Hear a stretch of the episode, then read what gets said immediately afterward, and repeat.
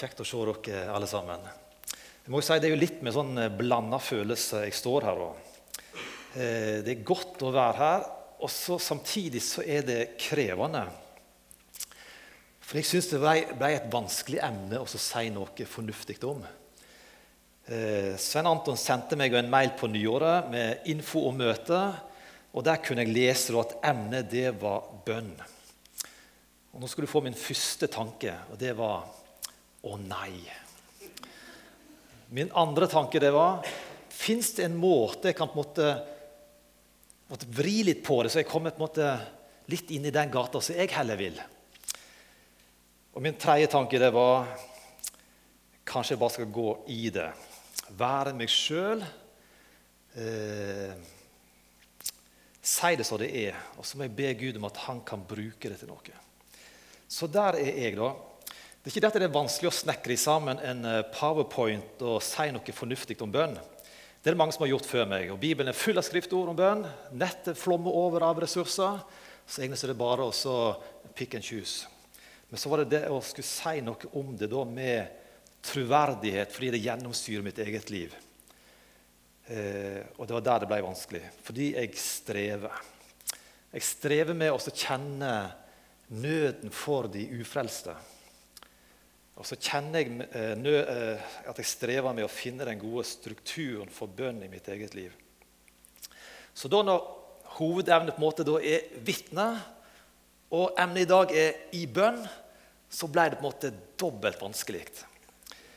Eh, og Grunnen til at jeg ikke kasta inn håndkleet, det handler om følgende det er ikke så veldig usannsynlig at det kanskje sitter noen her inne som kjenner på noe av det samme.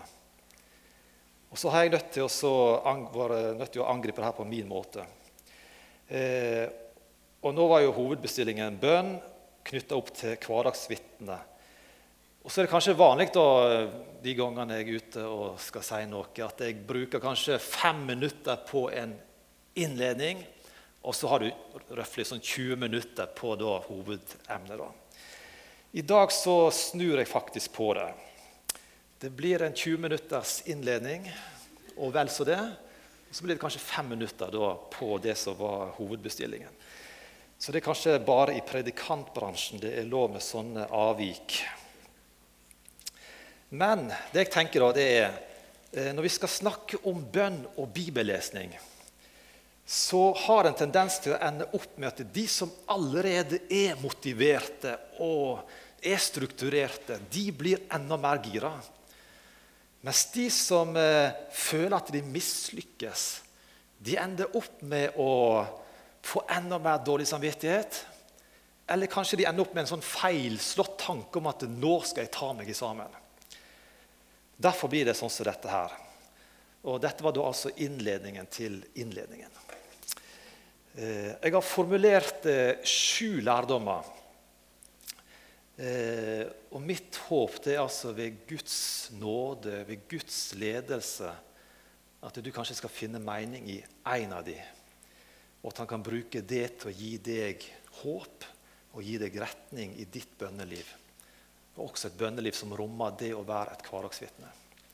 Vi skal be om det nå. Takk, kjære far, at vi skal få komme til deg. Takk at vi skal få komme akkurat sånn som vi er. Takk at du, du kjenner oss, og du vet våre kamper, og du vet hvor vi står i livet. Herre, så ber jeg for den tida som ligger foran akkurat her og nå. Den neste tida nå, at du må gjøre noe i livet våre. Amen.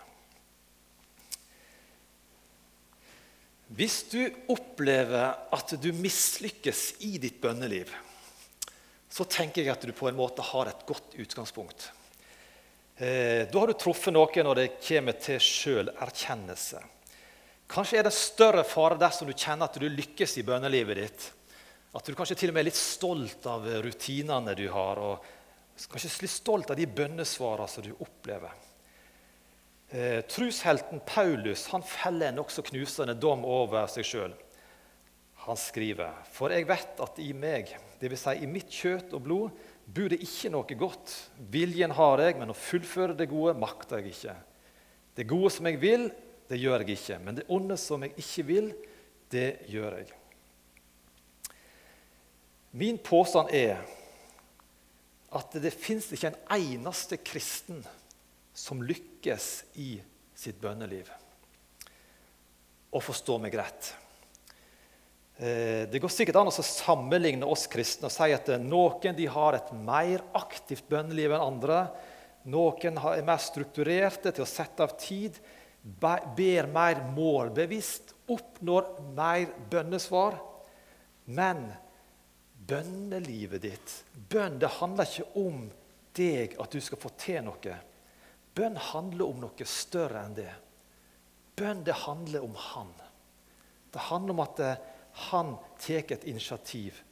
Den allmektige Gud opprettholder. Han kaller deg til et fellesskap der du skal få dele dine ord og dine sukk og din klage, din nød og din glede. Bønn handler om at det er han som tar initiativet, og så responderer du på det.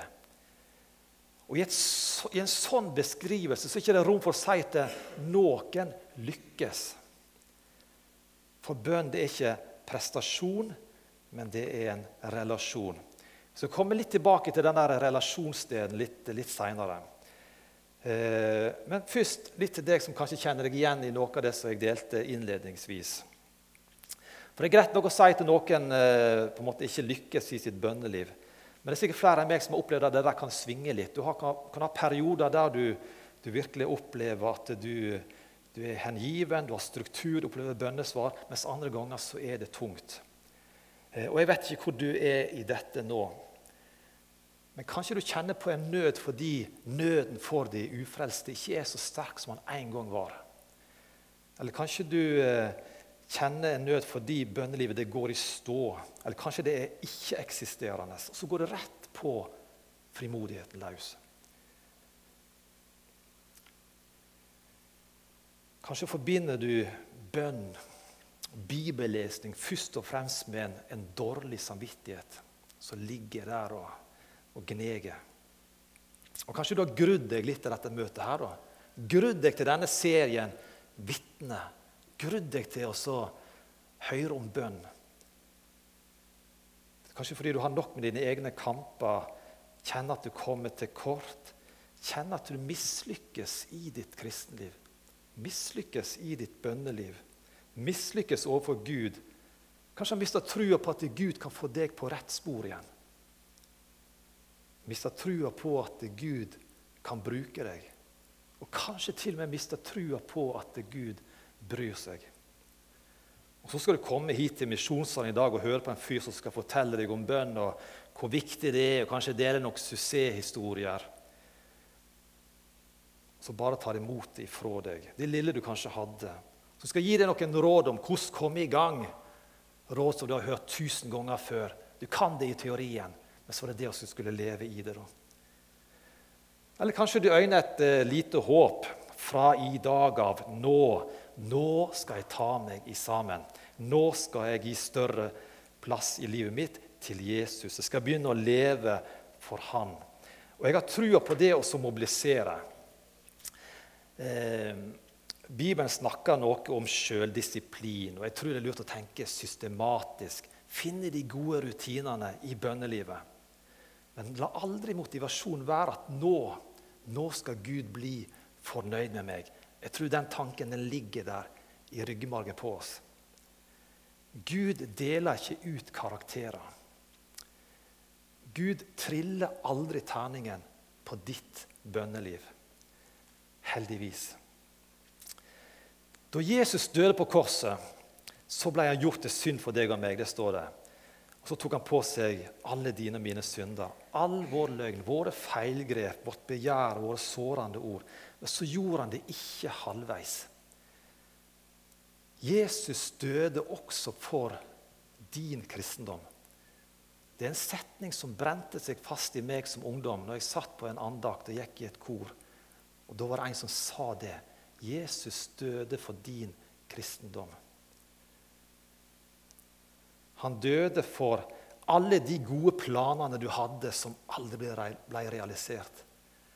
Han døde for den feigheten som gjorde at du backa unna den gangen du kjente at du skulle delt et ord. Og så døde han for den latskapen som gjør at du tenker 'jeg har ikke tid til å lese'. Han døde for skammen som du kanskje kjenner på når du sovner midt i bønna di. Jesus døde for din kristendom. Han døde for ditt mislykkede kristenliv, ditt mislykkede bønneliv. Så det er kanskje noe i dette uttrykket 'felles skjebne, felles trøst'.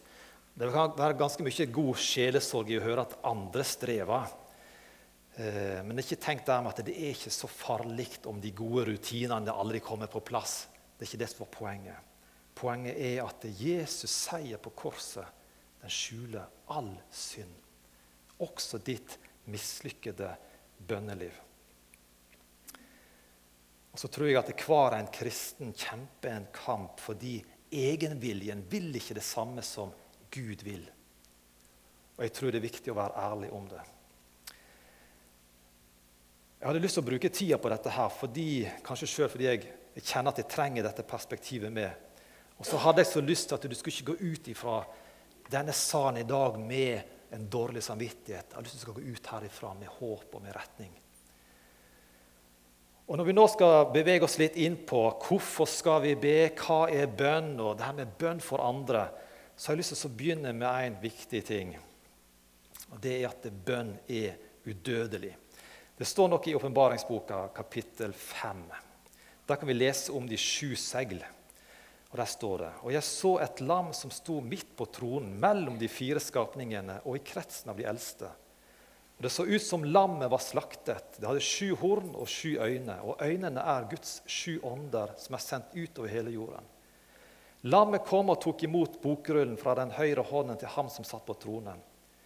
Da de tok boken, falt de fire skapningene og de 24 eldste ned for lammet.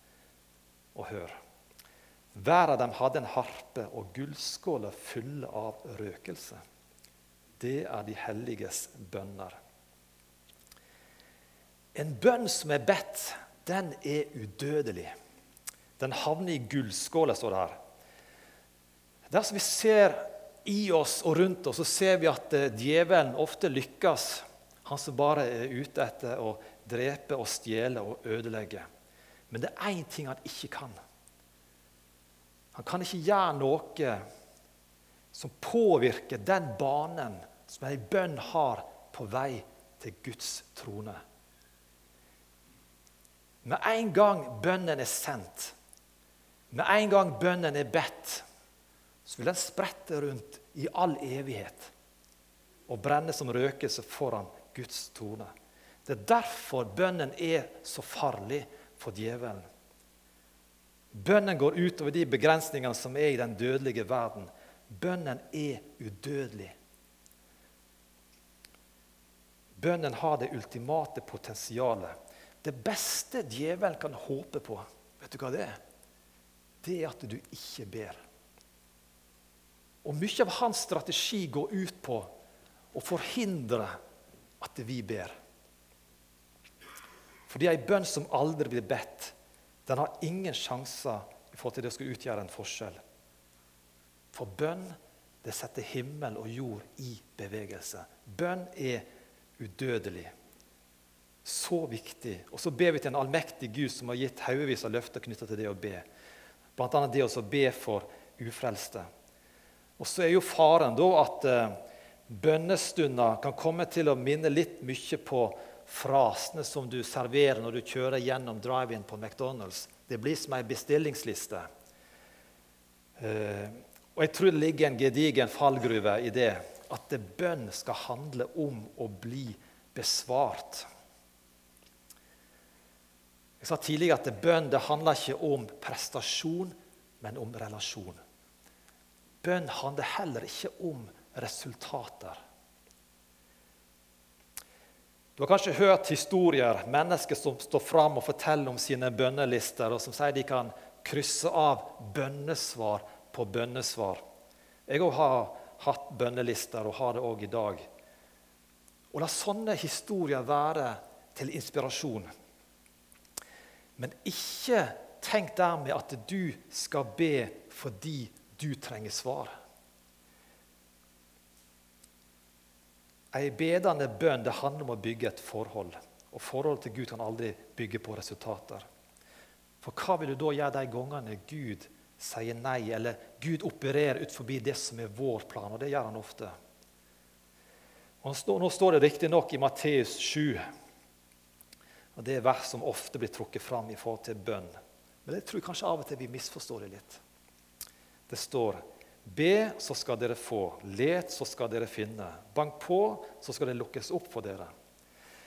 For den som ber, han får, og den som leter, han finner, og den som banker på, skal det lukkes opp for. Eller hvem av dere vil gi sønnen sin en stein når han ber om brød? Eller gi ham en orm når han ber om en fisk? Når selv dere som er onde, vet å gi, dere, gi barna deres gode gaver, hvor mye mer skal ikke, da, skal ikke da deres far i himmelen gi gode gaver til dem som ber ham? Handler ikke dette om resultater?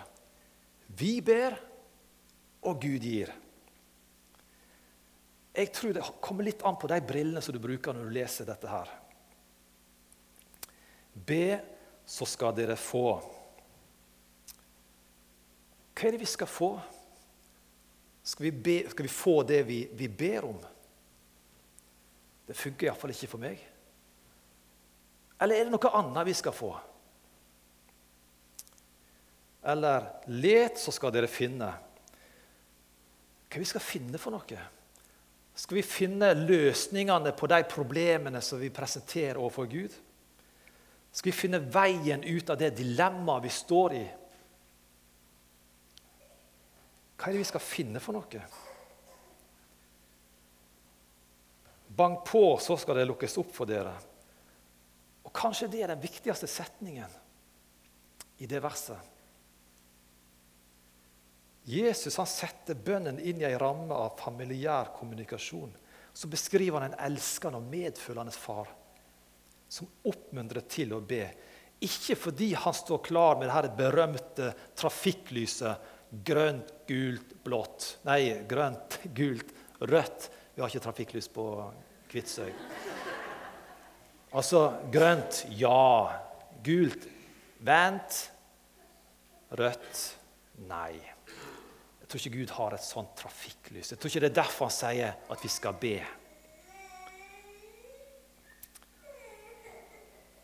Jeg tror han lengter etter fellesskap. Ha gjerne ei bønneliste og ha gjerne navn på personer som du ber for. Og kryss gjerne ut bønnesvarene etter hvert som de kommer. Men ikke glem å fortelle far hvordan du har det.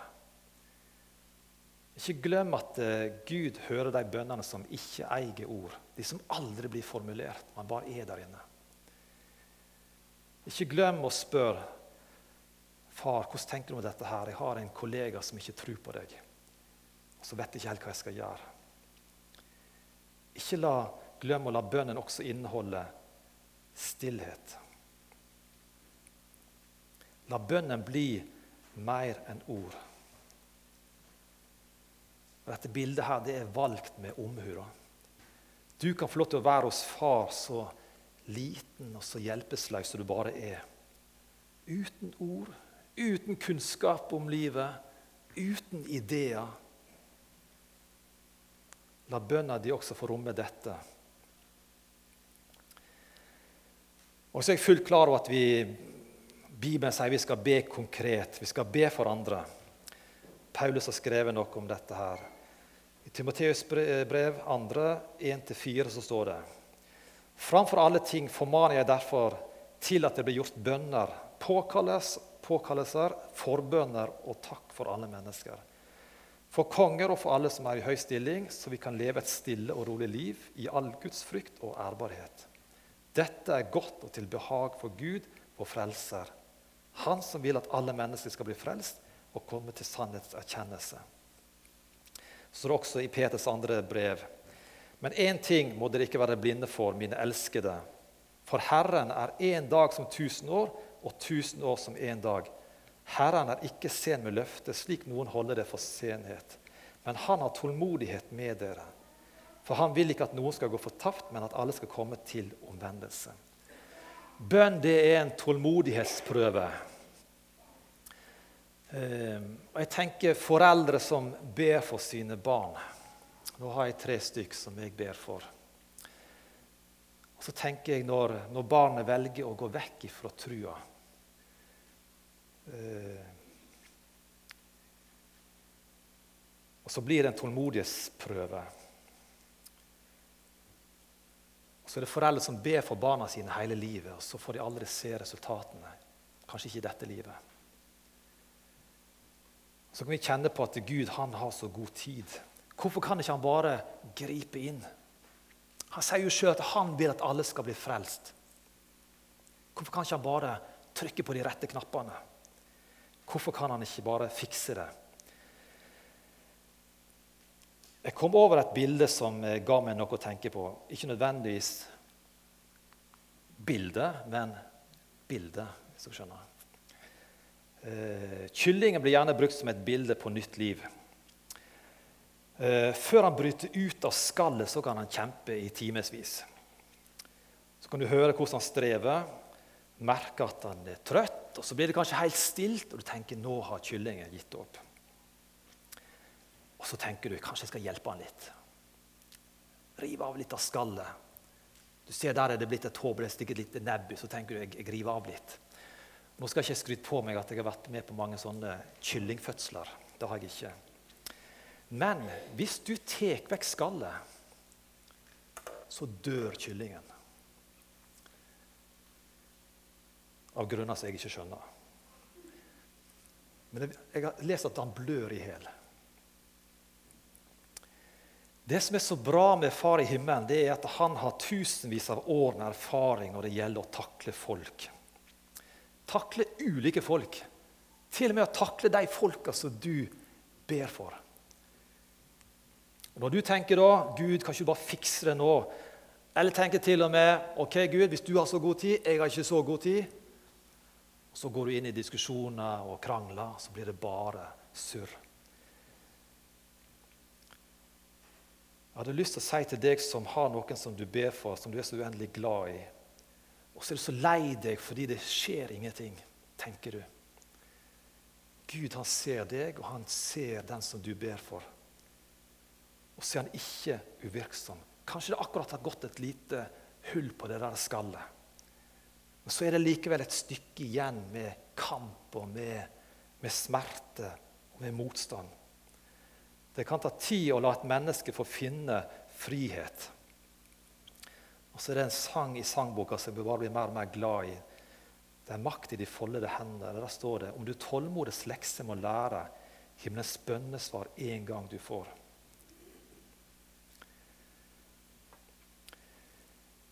Vi nærmer oss eh, slutten her.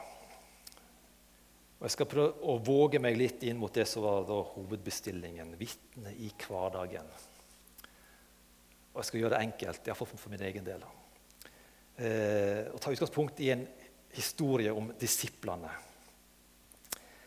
De litt sultne disiplene, de som var i Samaria sammen med Jesus, skulle reise gjennom landet. Så stoppa de ved en brønn, og disiplene gikk da inn i landsbyen for å kjøpe mat. Tolv stykk måtte inn for å kjøpe mat til 13 personer. Eh, litt spesielt. Men inn i byen der møter de mennesker som antageligvis ikke var disipler av Jesus. Hva som skjedde inne i byen, det vet vi jo ikke. Men antageligvis gjorde de sine innkjøp, og så dro de da tilbake til brønnen. Og Der ser de da ei kvinne stå, og de stusser litt, men er mest opptatt av å gjøre klar maten. Eh, kvinna på sin side har hatt et møte med han som er full av nåde og sannhet. Hun er i fyr og flamme og drar inn til byen, og så blir mennesket frelst der inne. Snakk om å være på feil plass til feil tid. Her ble kvinna frelst ved brønnen, mens disiplene var inne i byen. Og Så kommer disiplene tilbake til brønnen. Og så blir folk frelst inne i byen pga. vitnesbyrdet til ei kvinne med et frynsete rykte. Ikke rart at Jesus måtte ta en alvorsprat med dem. Og kanskje vi òg skal si at vi trenger den alvorspraten. Han sier ennå er det fire måneder til innhøstingen. Men jeg sier dere, løft blikket og se på markene. De står alt hvite mot høst. Kjenner du deg litt igjen? Uh, fire måneder til innhøstingen. Vi må bare komme i gang med den der møteserien om vitner. Da skal det bli sving på det. Vi må bare få den der brannstasjonen på plass. Da kommer resultatene. Vi må bare få det der alfakurset i gang. Uh, komme i gang med den der gruppa vi har snakket om så lenge. Om fire måneder, da er det tid for innhøsting. Da vil folk komme til tru. I møte med sånne tanker så sier Jesus, løft blikket og se på markene. De står alt hvite mot høst. Høsten er moden. Og så er det mennesker som er klare til å bli høsta inn. Ikke om fire måneder, men i dag. Disiplene levde etter om fire måneder av prinsippet. og jeg kjenner der jeg òg. Og Så gikk disiplene glipp av det fantastiske som Gud gjorde. For Jesus han levde etter i dag-prinsippet. Tenk om han kunne fått lede oss dit. da. Tenk om vi kunne hatt den forventningen om at det, i dag så er høsten moden. I dag så vil han møte mennesker med nåde og sannhet gjennom deg og meg. Hvem er høsten? Jeg aner ikke. Men Gud vet. Og Det er derfor det er så lurt å prate med ham. Så har jeg bevisst valgt å ikke komme med en oppskrift, og den vil bare virke begrensende. Hvis du trenger konkrete tips om hvordan skal jeg komme i gang med dette, her, da tar du bare et Google-søk. sant? Eh, eller enda bedre, snakk med noen om det. Kanskje dere kan sammen finne ut en, en deal og forplikte hverandre litt. Men egentlig så er det bare å sette i gang.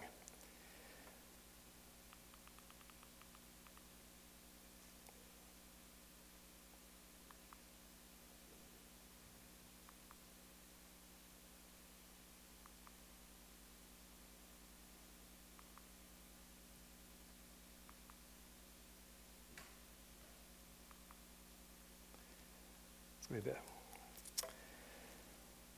Takk, kjære far, at du kjenner oss og du elsker oss. Og så lengter du etter fellesskapet. Takk at vi skal få komme som vi er, med våre brist og med våre mislykkede bønneliv. Hjelp oss å lytte til din stemme, ta imot din invitasjon. Hjelp oss til å hvile i bønnen. Hjelp oss til å være utholdende i bønn. Og hjelp oss til å løfte blikket slik at vi kan få øye på høsten. Så jeg har lyst til å be om en rik innhausting i Sandnes. Fyll oss med trang til å være med på det som du har tenkt oss å gjøre.